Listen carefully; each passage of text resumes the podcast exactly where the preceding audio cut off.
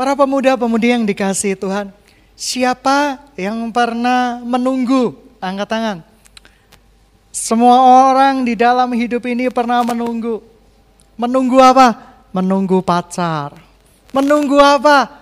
Menunggu waktu ulang tahun. Kita dapat hadiah. Menunggu apa? Menunggu kapan selesainya khotbah dan kapan buyarnya ibadah. Menunggu. Menunggu apa? Menunggu kapan kita selesai sekolah dan kita bisa bermain bersama-sama dengan teman-teman kita. Itu namanya menunggu. Menunggu pekerjaan yang membosankan. Amin. Amin. Apalagi kalau yang bicara adalah guru-guru yang sangat membosankan. Mungkin ia menjelaskan tentang matematika. Ya, kamu tahu kan 5 tambah 5, 10. Akar kuadrat ini adalah ini. Dan kita memandang dia dengan penuh keheranan. Silakan berbicara sendiri. Dan saya mau menunggu waktunya kapan selesai. Menunggu itu membosankan. Waktu saya SMP dan SMA, saya menunggu kapan selesainya guru saya berbicara. Karena saya sudah punya tujuan, yaitu ketika nanti selesai sekolah, saya akan pergi bersama dengan teman-teman saya, saya akan pergi keliling-keliling di kota saya waktu itu, dan saya begitu menantikan saatnya. Dan ketika menanti saatnya itu, Waktu-waktu terasa begitu membosankan. Apalagi ada guru-guru yang berusaha melucu dan dia tertawa terbahak-bahak dan tidak ada satupun orang yang tertawa. Membosankan sekali. Kita sering bertemu dengan kejadian-kejadian seperti itu. Menunggu adalah sungguh membosankan. Tapi adik-adik yang dikasih Tuhan, pernah nggak Anda tahu bahwa di dalam Tuhan kita perlu yang namanya kesabaran untuk menanti waktunya Tuhan. Begitu banyak ketika anak saya kecil sudah kepingin naik sepeda. Padahal motoriknya belum kuat. Dia berusaha naik sepeda. Ketika lihat sepeda roda tiga, ia menunjuk kalau tidak dibelikan nangis. Akhirnya kami membelikan. Dan akhirnya dipakai. Tidak, karena tidak bisa mengayu sama sekali. Dan ketika tidak bisa mengayu, marah. Nangis, minta didorong. Oleh karena itu saya dorong, ketika dorong tertawa, tepuk tangan, terbahak-bahak, senang gitu ya. Ketika kami berhenti mendorong, nangis lagi, didorong lagi, berhenti lagi, nangis lagi. Kadang saya jengkel, ini anak siapa sih sebenarnya gitu ya. Ini anak siapa sih? Kok bukan anak saya sudah, uh saya cubit gitu ya, seperti itu. Untung anak saya. Lagi, kakaknya juga demikian kepingin sepeda roda dua. Maksa sekali. Ketika kita pergi di salah satu mall, langsung dia tunjuk sepeda. Saya sudah berkata, tinggimu segini. Kamu tidak akan bisa coba mengayu. Dia dengan menjinjit mencoba mengayunya bisa. Dan dia berbahagia sekali berkeliling di mall itu dengan sepeda roda empat. Karena ada jagang kiri dan jagang kanan. Saya sudah berkata, beli yang lebih kecil. Tidak mau, pengennya seperti ini. Ya sudah, akhirnya kita belikan. Dan begitu rodanya kita copot, dia disuruh untuk mengendarai sepeda itu marah-marah histeris, ketakutan. Pegangi aku, pegangi aku, aku jatuh, aduh aku jatuh. Jengkel enggak? Jengkel. Seluruh kompleks mendengar ceritanya. Papa tolong. Ya kan dia mengayu tanpa arah. Menunggu. Banyak orang, anak-anak Tuhan, tidak sabaran menunggu waktunya Tuhan. Tuhan itu punya hadiah buat kita, tetapi kita harus sabar. Saya tahu persis, akhirnya ketika dia membeli sepeda roda dua yang cukup mahal itu, ia menaruhnya di depan meja belajarnya hanya sebagai souvenir dan tidak pernah dipakai sampai sekarang. Saya sindirin dia terus, biarin gitu ya. Kok nggak dipakai? Belum, tunggu tinggi. Kok nggak dipakai? Belum, tunggu tinggi. Kemarin saya berkata, kok nggak dipakai? Naik kamar atas. Kita kalah dengan tangisan anak-anak. Menangis adalah senjata terbaik untuk melarikan diri dari masalah. Iya kan? Iya. Saya pernah punya teman nih waktu SMP. Wih, nangisannya luar biasa. Dan selalu guru saya tidak berdaya menghadapi dia. Mohon maaf ya, badannya cukup subur. Dan ketika disuruh menjawab soal matematika, saya paling jago matematika. Saya ranking 2 ya tingkat RT. Gitu ya, seperti itu. Kayak saya waktu itu bisa menjawab matematika dengan luar biasa. Selalu orang-orang mencontek saya. Saya haram mencontek orang lain. Karena saya paling jago matematika. Satu kali ketika guru saya memanggil ke depan. Hei, buat soal ini dengan cepat saya lakukan.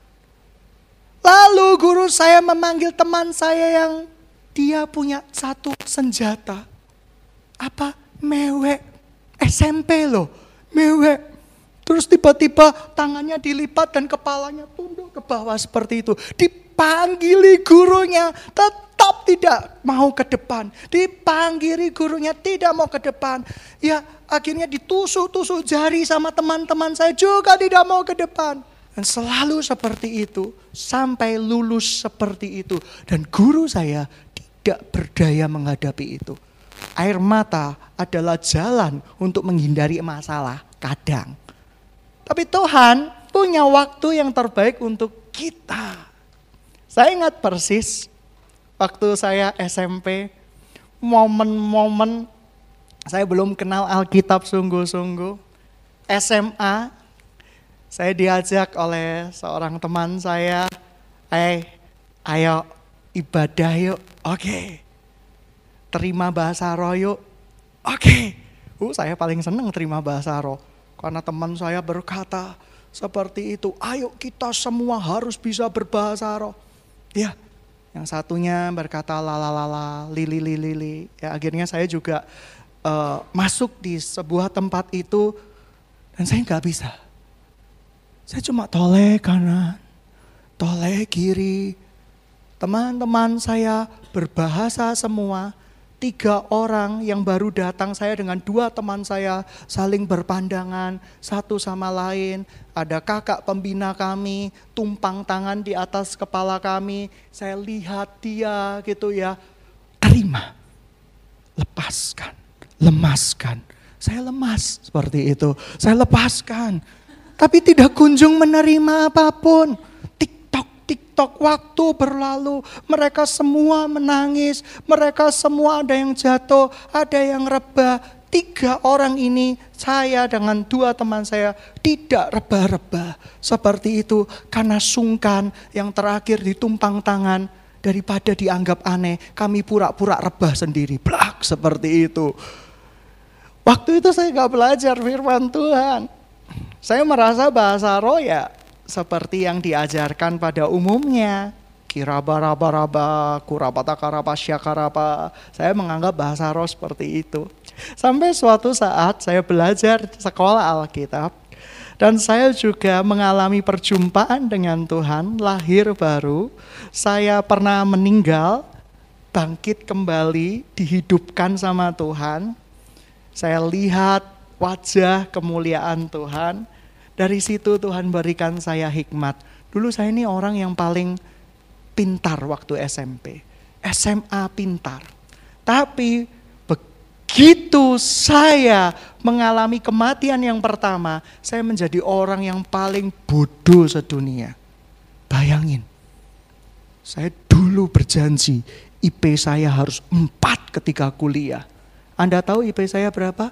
kuliah yang pertama, biasanya saya jago matematika, tapi matematika satu saya dapat jelek sekali. Fisika satu saya dapat jelek sekali. Saya terkejut, ada apa ini? Kenapa Tuhan permalukan saya? Tapi begitu saya mengalami peristiwa kematian lagi, dan akhirnya Tuhan izinkan bangun kembali, saya memiliki sebuah hal yang berbeda. Tuhan berikan saya sedikit hikmatnya. Oleh karena itu ketika saya pelajari Alkitab, Tuhan bicara seperti ini sama saya. Hai, kamu lihat toh Alkitab. Pada waktu para rasul terima roh kudus, ada ndak bunyinya sikira bara bara bara Tidak ada Tuhan. Saya cari di ensiklopedia Alkitab. Tidak ada. Loh, saya cari lagi di kamusnya. Asal mula bahasa roh yang ditemukan sekarang.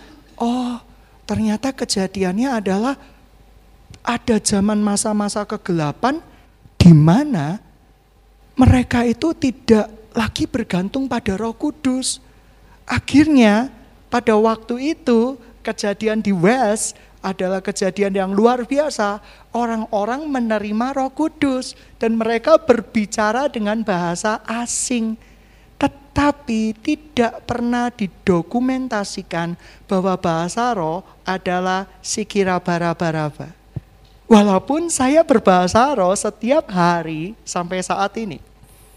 Tetapi teman-teman yang dikasih Tuhan. Seringkali kalau kita tidak berbahasa roh kira bara bara bara, bara itu bukan bahasa roh. Itu salah. Tuhan kasih saya sebuah hikmat baru. Apakah hikmatnya itu? Bahasa roh. Ketika kita percaya kepada Tuhan Yesus, Roh Kudus, kita sudah memilikinya. Ketika kita menangis di hadapan Tuhan, Tuhan, ketika saya dengar ibu saya menangis saking dableknya saya. Ibu saya itu menangis seperti ini. Tiba-tiba hati saya berdesir. Roh ibu saya berdoa untuk saya. Saya dulu nakalnya luar biasa dan Tuhan menjawab doa ibu saya. Oleh karena itu saya begitu yakin bahasa roh itu ada. Tetapi bahasa roh itu tidak boleh digeneralisasikan bahwa bahasa roh itu seperti pada umumnya. Tuhan kita ini nggak kreatif dong. Kalau kita buka kisah para rasul, pada waktu para rasul terima roh kudus, apa yang terjadi anak-anak? Mereka berbahasa menurut bahasa daerah pendengarnya masing-masing. Lalu kalau kita mendefinisikan bahasa roh adalah lalala kira baraba, betapa tidak kreatifnya Tuhan kita. Amin. Amin. Lalu seiring dengan waktu masa-masa sulit saya di kuliahan dipulihkan oleh Tuhan. IP saya yang hampir hancur, perlahan-lahan Tuhan pulihkan tetapi pemulihan dari Tuhan itu tidak sanggup mengubah IP prasasti-prasasti saya yang sudah terlanjur jelek di semester pertama, kedua, ketiga, keempat. Saya melejit di semester 5, 6, 7, 8. Ketika saya meninggal, saya melihat neraka. Berbeda dengan yang diceritakan banyak orang. Neraka itu ada iblis yang tusuk-tusuk. Neraka itu ada setan yang merantai. Teman-teman, ketika saya belajar firman Tuhan, saya percaya dengan neraka karena saya melihat neraka. Tapi neraka yang saya lihat itu adalah neraka gambaran masa depan. Belum terjadi. Boro-boro nyiksa manusia. Iblis pun ketakutan masuk neraka. Mau tahu iblis takut masuk neraka? Ketika Tuhan Yesus mau mengusir roh jahat yang ada di orang gila di Gerasa. Orang iblisnya namanya siapa? Le Legion. Jumlahnya sangat banyak. Legion itu berkata, Tuhan masukkan saya ke babi, jangan kirim saya ke neraka.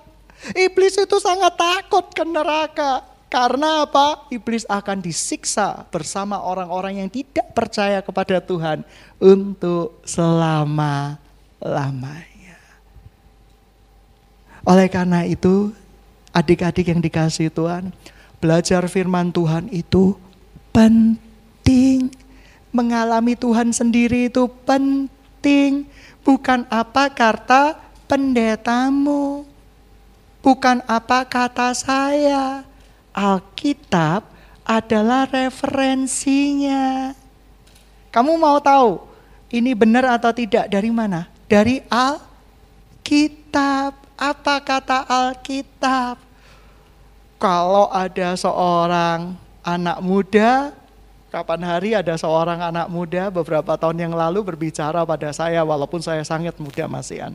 Dan dia berbicara seperti ini, Go, saya melihat surga. Wow, di situ ada liftnya, ada jet coasternya. Wow, dan di sana aku melihat ada noniku bergandengan tangan dengan aku. Kami berpelukan dan dipersatukan Tuhan. Wes ini sudah sesat ini. Selidik punya selidik. Dia mengarang penglihatan itu karena baru dipoto sama noninya. Wi, ngarang penglihatan karena diputus, ngawur orang itu. Ketika saya lihat, kok gak cocok ya yang di Alkitab. Alkitab tidak pernah menggambarkan bahwa surga itu ada lift, ada jet coaster, di situ ada mandi bola. Lalu kenapa kita menjadi percaya? Karena yang bicaranya meyakinkan. Pesona daripada yang ngomong itu yakin, cecenya yang ngomong itu cuantik. Masa cantik-cantik bohong gak mungkin lah. Wih, orang-orang yang ditangkap KPK itu cantik-cantik dan ganteng-ganteng loh. Oh, kabar saya. Lalu adik-adik yang dikasih Tuhan. Menanti waktu Tuhan. Tuhan itu panjang sabar. Waktu saya SMP, saya doa sama Tuhan, Tuhan saya akan melayanimu jikalau ayah ibu saya mengalami terobosan di bidang ekonomi. Akhirnya saya nggak melayani Tuhan. Saya tunda lagi SMA kelas 1.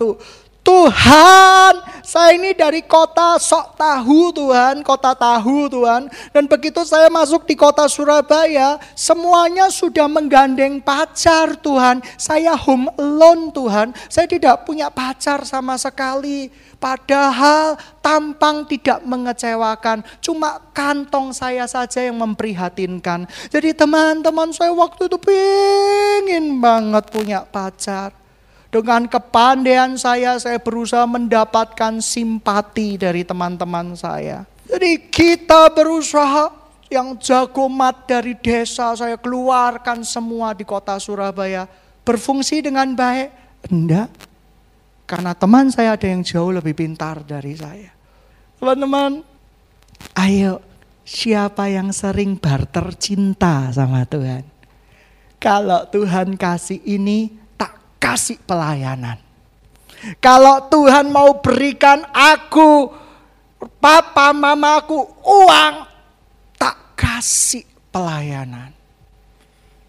Nanti kalau engkau kabulkan aku punya pasangan hidup, tak melayani engkau Tuhan. Nanti ketika engkau belikan aku rumah, nanti tak layani engkau. Siapa yang mau menerima cinta barteran? Tuhan Yesus bukan pedagang, bukan cukong bukan encek-encek DPGS. Tuhan Yesus adalah Tuhan kita. Amin. Amin. Tapi sering kali kita barter cinta sama Tuhan. Mentang-mentang anaknya pedagang suka barter, yaitu barter cinta.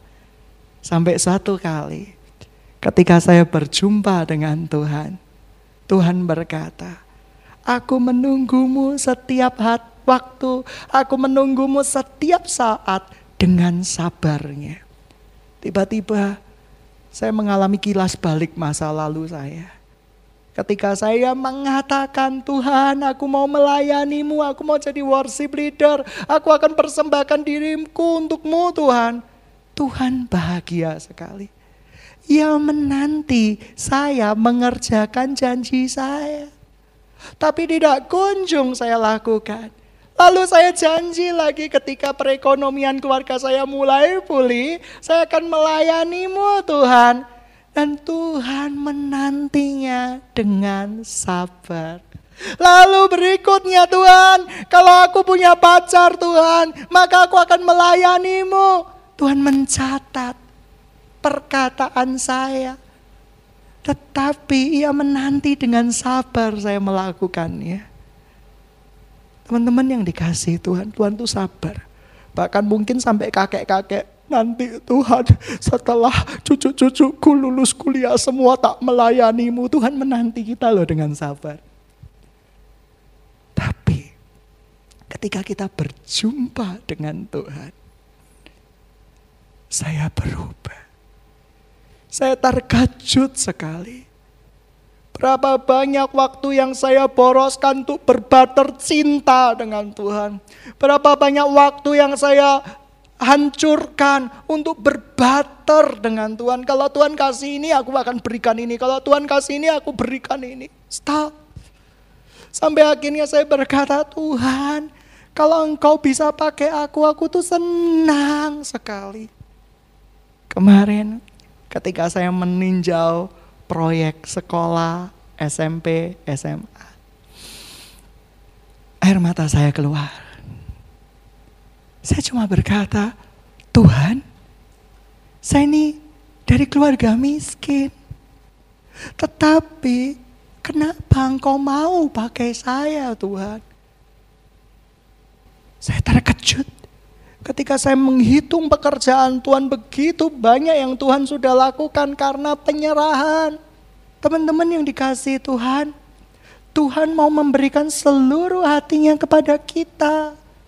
Jangan pernah berbarter cinta dengan Tuhan. Jangan pernah menduakan Tuhan. Jangan pernah menjanjikan Tuhan itu sebagai tempat berdagang. Karena dia adalah Tuhan. Dan ketika saya memberikan hidup saya kepada Tuhan, Tuhan menanti saatnya yang terbaik.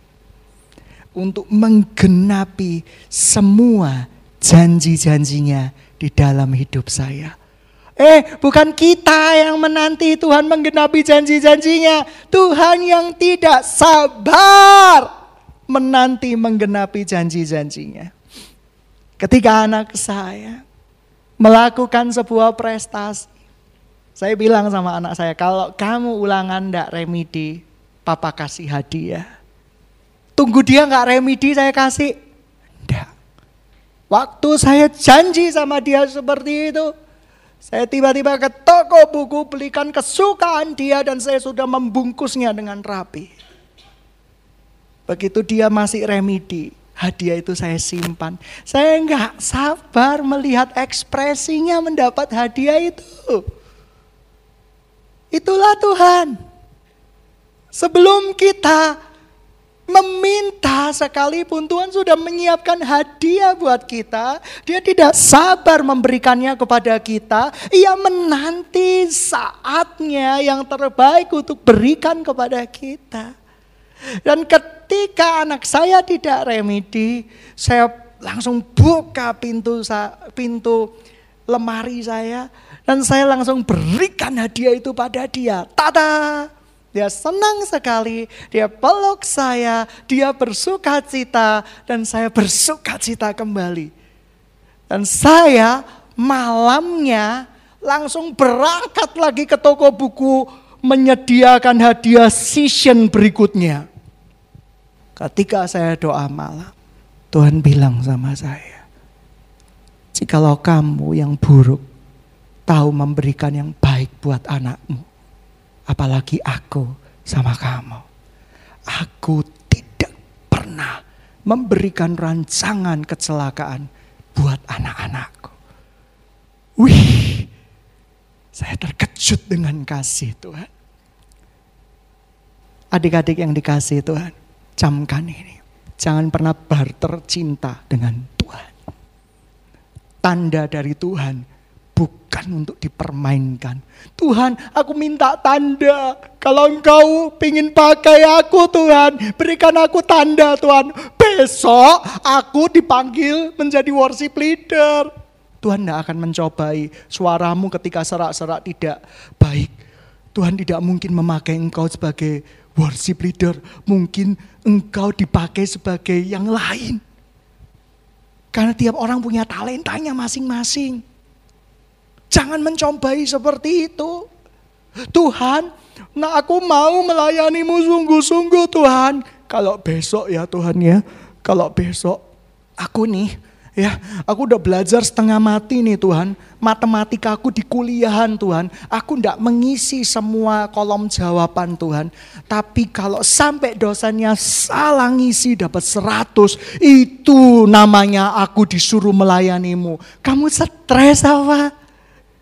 Teman-teman, ayo ngaku. Siapa yang pernah gitu angkat tangan? Main game, belajar nggak sungguh-sungguh, lalu berdoa minta Tuhan nilai bagus. Ayo ngaku dosa rame-rame. Oh, kalian semua tidak luar biasa gitu ya. Tidak ada yang mau ngaku. Ya. Wah, saya juga seperti itu. Saya pengen supaya Tuhan menolong saya saat saya betul-betul tidak melakukan apa yang menjadi kerinduannya. Tapi Tuhan dengan sabar loh menanti kita. Saya sungguh mengerti firman Tuhan berkata apa. Betapa panjang sabarnya dia. Betapa panjang kasihnya. Betapa kerinduannya buat kita semua. Adik-adik yang dikasih Tuhan, jangan pernah barter cinta dengan Tuhan. Karena percayalah, dia selalu mencintaimu walaupun engkau belum mencintai dia sepenuh hati. Ia selalu menunggumu walaupun engkau tidak rela menunggu waktu Tuhan. Ia selalu menyiapkan hari depan yang penuh kemenangan buat engkau sekalipun engkau menganggapnya sebagai sebuah keterlambatan. Anak saya yang kedua cerita sama cecenya waktu saya mau janjiin hadiah. C, papa kok nggak ngasih-ngasih ya C ya? Papa kok gak ngasih-ngasih ya? Akhirnya cecenya bilang sama mamanya, papa kok nggak ngasih-ngasih? Mamanya bilang sama saya, kamu kok nggak ngasih-ngasih? Loh kesepakatan kita apa? Oh ya, ya sudah gitu ya seperti itu. Itu sudah di lemari. Sudah dibungkus rapi. Saya nggak sabar ngasih anak-anak yang saya sayangi. Tapi gak sabarnya luar biasa. Dia berkata apa? Tak entep dulu hadiahnya, nanti pasti nggak remedi. Loh, gimana sih? Ini anak suka tawar menawar dasar anaknya pedagang lu ya gitu ya seperti itu. Tapi apa yang terjadi? Saya tidak goyah. Karena saya tahu waktu yang terbaik buat dia, waktu yang tepat buat dia. Tuhan tahu cara mengangkat kita anak-anak muda. Tuhan tahu cara menyediakan yang terbaik pada kita tepat pada waktunya sekalipun orang menganggapnya sebagai sebuah keterlambatan. Tapi Tuhan tidak pernah ingkar janji. Tuhan selalu setia karena dia bukan tidak setia. Dan selalu tidak ada kamus tidak setia di dalam kamus surgawinya Tuhan. Siapa yang pernah barter sama Tuhan? Papa mamaku Tuhan tidak berantem lagi pulihkan baru aku mau melayanimu. Angkat tangan, gak usah angkat tangan. Tuhan, aku punya sakit Tuhan. Jerawat batu Tuhan. Aku sudah berusaha memijatnya tidak kunjung pecah-pecah Tuhan. Tolong Tuhan, ketika jerawat ini pecah dan saya pulih, saya akan melayanimu. Apa hubungannya jerawat dengan pelayanan? Tapi itu nyata. Saya punya anak-anak rohani yang berkata, tidak mau pelayanan karena jerawat. Tuhan Yesus dikalahkan oleh sebuah jerawat. Jerawat batu, jangankan jerawat batu, gonong aja kalau Tuhan mau dipindahin kok.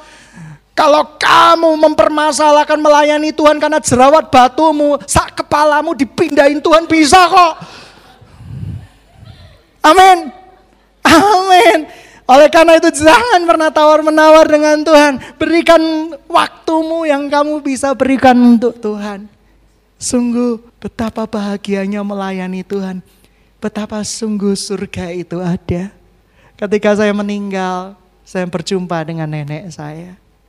Nenek saya berkata, waktumu belum tiba. Nenek senang sekali di sini. Awalnya saya nggak mengenali itu nenek saya. Karena usianya 30 tahunan, cantik jelita. Tetapi saya tahu kalau itu nenek saya. Ketika mendekat jarak 2 meter, 3 meter, saya berkata, Ama, dia senyum. Eh, kenapa kamu di sini? Pertama, jangan barter dengan Tuhan. Yang kedua, Tuhan menanti dengan sabar untuk mengangkat kita. Tapi dia tahu waktunya belum tiba buat kita. Ketika Tuhan Yesus berkata kepada murid-muridnya, waktuku belum tiba. Ia menanti waktu yang terbaik dari Tuhan. Ia menanti waktu yang terbaik dari Bapa di surga. Dan saya percaya ketika waktunya sudah tiba, Tuhan akan berikan pengurapannya. Tuhan akan berikan jubahnya. Tuhan akan berikan semuanya. Lalu apa yang harus kita lakukan? Yang pertama, jangan tawar-menawar lagi. Berikan dirimu untuk Tuhan. Layani Tuhan selagi engkau bisa. Pelayananmu yang terbaik bukan di gedung gereja Buat apa kita di gedung gereja nyanyi seperti tadi? Mungkin kita nyanyi sampai uh, loncat-loncat gitu ya. Tiangnya kita robohkan, tiang kanan kita robohkan. Kita seperti itu. Tapi waktu sekolah nyontekan. Waktu di rumah ngomong kotor. Di gereja sikira para para para para para para para. Pulang dari gereja Bagaimana bibir yang keluar dari hati yang dikelurapi oleh Roh Kudus bisa mengeluarkan dua ucapan? Nggak mungkin. Artinya ucapan kita waktu di gereja terbawa euforia masa. Kamu tahu? Dan kalau spirit itu dibawa di dalam gereja Tuhan, ucapan kita nggak bernilai. Ungkapan kita hanya untuk memenuhi gereja dengan jiwa-jiwa yang kita anggap jiwa-jiwa. Bukan persembahan yang berbau harum di hadapan Tuhan. Contoh Kain dan Habel. Kain mempersembahkan semua hasilnya. Lebih banyak dari Habel. Alkitab asli menerjemahkan bahwa ini bukan bau, bukan yang busuk loh ya. Dia berikan yang terbaik. Lebih banyak dari adiknya. Tapi tidak bernilai. Karena dia melakukannya itu untuk persaingan. Untuk kita ini anak Tuhan. Semua gereja Tuhan bersaudara enggak? Bersaudara, amin. Amin. Tapi Kain dan Habel bersaudara enggak? Bersaudara. Tapi roh Kain adalah roh pengen bunuh gereja lain. Gereja lain ah nggak ada kebangunan rohani. Gerejaku ada kebangunan rohani. Eh di sini ada kebangunan rohani. Di sana nggak ada kebangunan rohani. Hati-hati punya spirit Kain kamu. Ketika dibakar, baunya di surga, bau entot. Hih, malaikat kipas-kipas. Uh, buh, iki, ini makan pete apa? Uh, gak enak banget. Lalu Tuhan berkata, utus dia. Ya, bungkam mulutnya. Mungkin seperti itu. Karena memang persembahan kain tidak diterima oleh Tuhan walaupun jumlahnya sangat banyak. Karena motivasinya adalah motivasi membunuh adiknya. Membunuh gereja lain yang lebih kecil. Membunuh persekutuan doa yang lebih kecil. membunuh yang lainnya karena apa? Karena merasa dia yang pertama, yang unggul, yang kuat. Padahal Kain dan Habel itu bersaudara. Hati-hati persekutuan doa, hati-hati gereja Tuhan. Jangan punya spirit ka Kain. Niatnya bunuh gereja lain. Gereja lain pemudanya tinggal dua gelintir nggak apa-apa. Yang penting pemudaku rame. Eh, gak boleh seperti itu. Oleh karena itu, hari ini penginjil kita melayani di gereja kecil. Haleluya, bagi berkat, berikan berkat supaya kita punya spirit ha Habel. Persembahannya kecil, hewannya kecil, baik dari hati yang terbaik. Lalu sanggup untuk menutupi dosa-dosamu. Darahku itu terlalu bisa untuk menutupi dosa-dosamu. Yang perlu kita lakukan apa? Jangan barter dengan Tuhan. Kalau Tuhan kasih ini, aku kasih ini. Dia sudah berikan nyawanya untuk kita. Untuk sebagai ganti dosa-dosa kita. Kurang bukti apa lagi Tuhan itu sama kita. Cinta bukan cinta kalau ada barter di dalam cinta. Cinta bukanlah sebuah cinta kalau kamu tidak mau menunggu di dalam cinta itu, cinta itu sabar, cinta itu penantian. Orang yang nggak sabaran itu dia nggak mencari cinta, tapi mencari kawin. Dan keadaan akhir zaman adalah kawin dan dikawinkan. Ketemu dengan koko ganteng, nggak mau, belum didoakan, minggat langsung, bye bye ketemu dengan uh, apa ya noni-noni cantik baru pendekatan satu bulan belum didoakan. Dia nggak ada respon apa-apa. Minggat langsung. Minggat minggat terus. Kita menjadi kutu loncat. Kita menjadi tupai-tupai cinta. Haleluya. Siapa yang mau dipakai Tuhan angkat tangan? Jangan nunggu ya. Jangan nunggu. Kita mau dipakai oleh Tuhan. Amin. Amin. Dan ketika mau dipakai oleh Tuhan, percayalah Tuhan udah mempersiapkan semuanya buat kita kejutan-kejutan indah di masa depanmu. Kamu berkata, cek soroni sih melayani Tuhan, gak digaji, dicaci maki lagi. Uh, gitu ya. Terlalu terlalu sensitif perasaan ini, terlalu hiperbola, parabola. Iya kan? Sudah gak dapat apa-apa, dicaci maki. Tapi kalau orang yang hidupnya sudah pulih, Ketika engkau dicaci maki, ingatlah aku pernah dicaci maki. Amin, amin. Ada orang yang mau datang sama saya, kok saya mau pemberesan. Banyak orang yang pemberesan tuh menulis gini, eh yuk kita sudah beres, kenapa kamu beresin terus menerus? Kita ini berpraduga. Kayak kita baca SMS, baca WA. Kalau kita wis deket sama orang, ketika kita baca WA, otak bawah sadar kita itu terekam suara dia. Amin. Amin. Kayak film-film gitu loh. Kalau dia keseringan jutek, rekaman pikiran kita adalah rekaman jutek. Amin. Amin. Dan ketika kita membaca itu, kita langsung naik darah. Gara-gara pikiran rekaman kita tentang suaranya yang sudah jelek jutek lagi itu begitu menusuk-nusuk pikiran kita. Sehingga tiba-tiba kita telepon dan tanpa alasan jelas kita marah-marah maksudmu apa? Gitu ya seperti itu. Sampai orang yang menulis WA itu lo aku nggak ada maksud apa-apa. Lu ya tapi maksudmu gitu. Oh ber, berprasangka.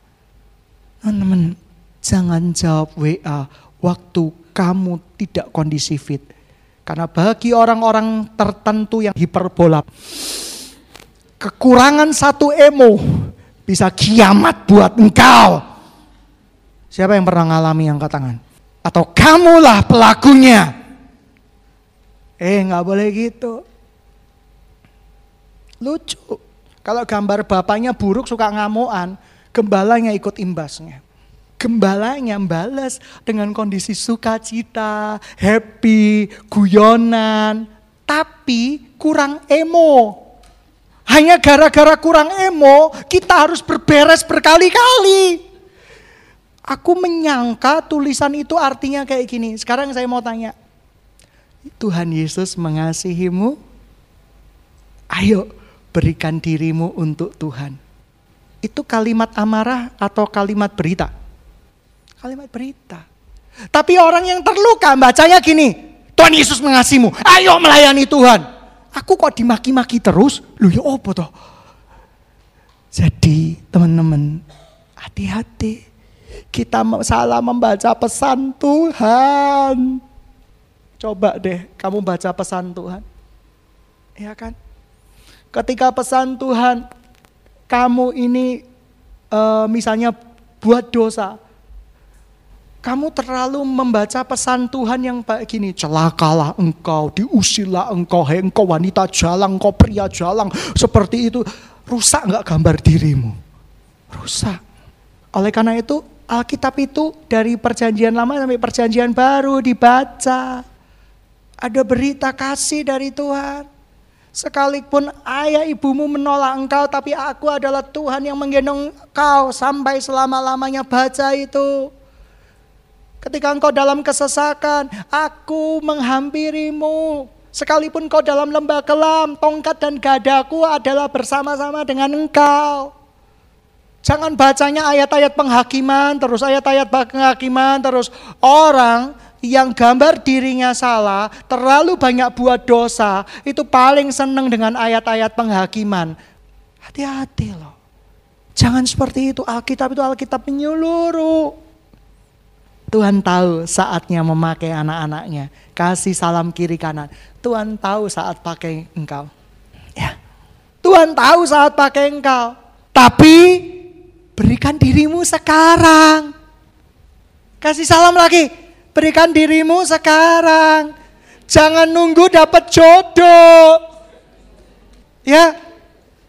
Nanti kalau aku udah merit, nanti setelah merit datang ke gereja untuk pemberkatan. Nanti kalau aku sudah punya anak, setelah punya anak, nanti anakku lek gede. Setelah naik gede, se se se ribet, tak cari no jodoh buat dia, baru aku melayanimu. Sampai waktu menutup mata, kita tidak pernah melayani Tuhan. Dan sampai di surga, kita melihat suatu pemandangan yang indah. Kita dikumpulkan bersama ribuan orang di satu tempat yang kita anggap itu surga. Di situ ada kasur-kasur yang saling berdempetan satu sama lain, tapi suasana surga. Hidupmu sudah ngekos di bumi ini, jangan pernah ngekos di surga. Amin. Amin. Pahalamu harus besar di surga. Oleh karena itu kerjakan pelayananmu dengan takut dan gentar akan Tuhan. Karena masing-masing di surga keselamatan memang tidak ditentukan oleh perbuatan baik burukmu. Kamu percaya Yesus pasti surga, tetapi apa yang kamu kerjakan buah di bumi ini menentukan pahalamu di surga. Amin. Amin. Kita tundukkan kepala kita. Thank you Jesus. Tuhan, anak-anakmu berkumpul di tempat ini. Kami mau memberi diri di hadapanmu. Waktumu bukan untuk kami permainkan. Janji-janjimu bukan untuk kami pertanyakan. Cintamu bukan untuk kami barter. Tapi kami mau Tuhan mencintaimu dengan tulus. Karena kami tahu Engkau sangat menanti saatnya memberikan hadiah itu buat kami. Engkau sudah mempersiapkannya, Tuhan di lemari-lemari sorgawimu. Engkau tidak sabar berikan pada kami kesuksesan, jodoh, pelayanan, pengurapan, dan janji-janji yang lain. Ia begitu sabar dengan kita. Walaupun kita sering kali tidak sabar menanti Tuhan, Engkau tahu mengapa Tuhan belum berikan pada engkau. Tuhan sudah menyimpannya. Tapi ia mau melatih engkau, memperkotok kaki-kakimu agar kuat berdiri di atas janjinya. Ia tidak sabar mengangkat engkau untuk dipakai jadi alat kerajaannya. Saya bersyukur saya memberikan hidup saya bukan saat saya lagi bagus-bagusnya. Saya berikan apa adanya di hadapan Tuhan. Tuhan, saya adalah orang yang penuh dosa. Saya punya dosa seksual yang mengerikan. Aku mau melayanimu Tuhan. Aku mau melayanimu. Aku nggak peduli kiri kananku mau bilang apa. Aku mau melayanimu. Aku memang pendosa. Tapi aku mau melayanimu. Kenapa yang terjadi? Hari ini saya bersyukur. Karena Tuhan tidak pernah melanggar janji-janjinya. Iya, iya dan amin. Ia tidak pernah membuat kita malu. Ia selalu mengangkat kita ke gunung kudusnya. Adik-adik yang dikasih Tuhan. Pemuda-pemudi yang dikasih Tuhan. Saudara-saudari yang dikasih Tuhan. Jangan tawar-menawar.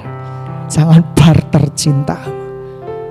Berikan hatimu buat Tuhan sebagai persembahan yang kudus dan layak di hadapan Dia.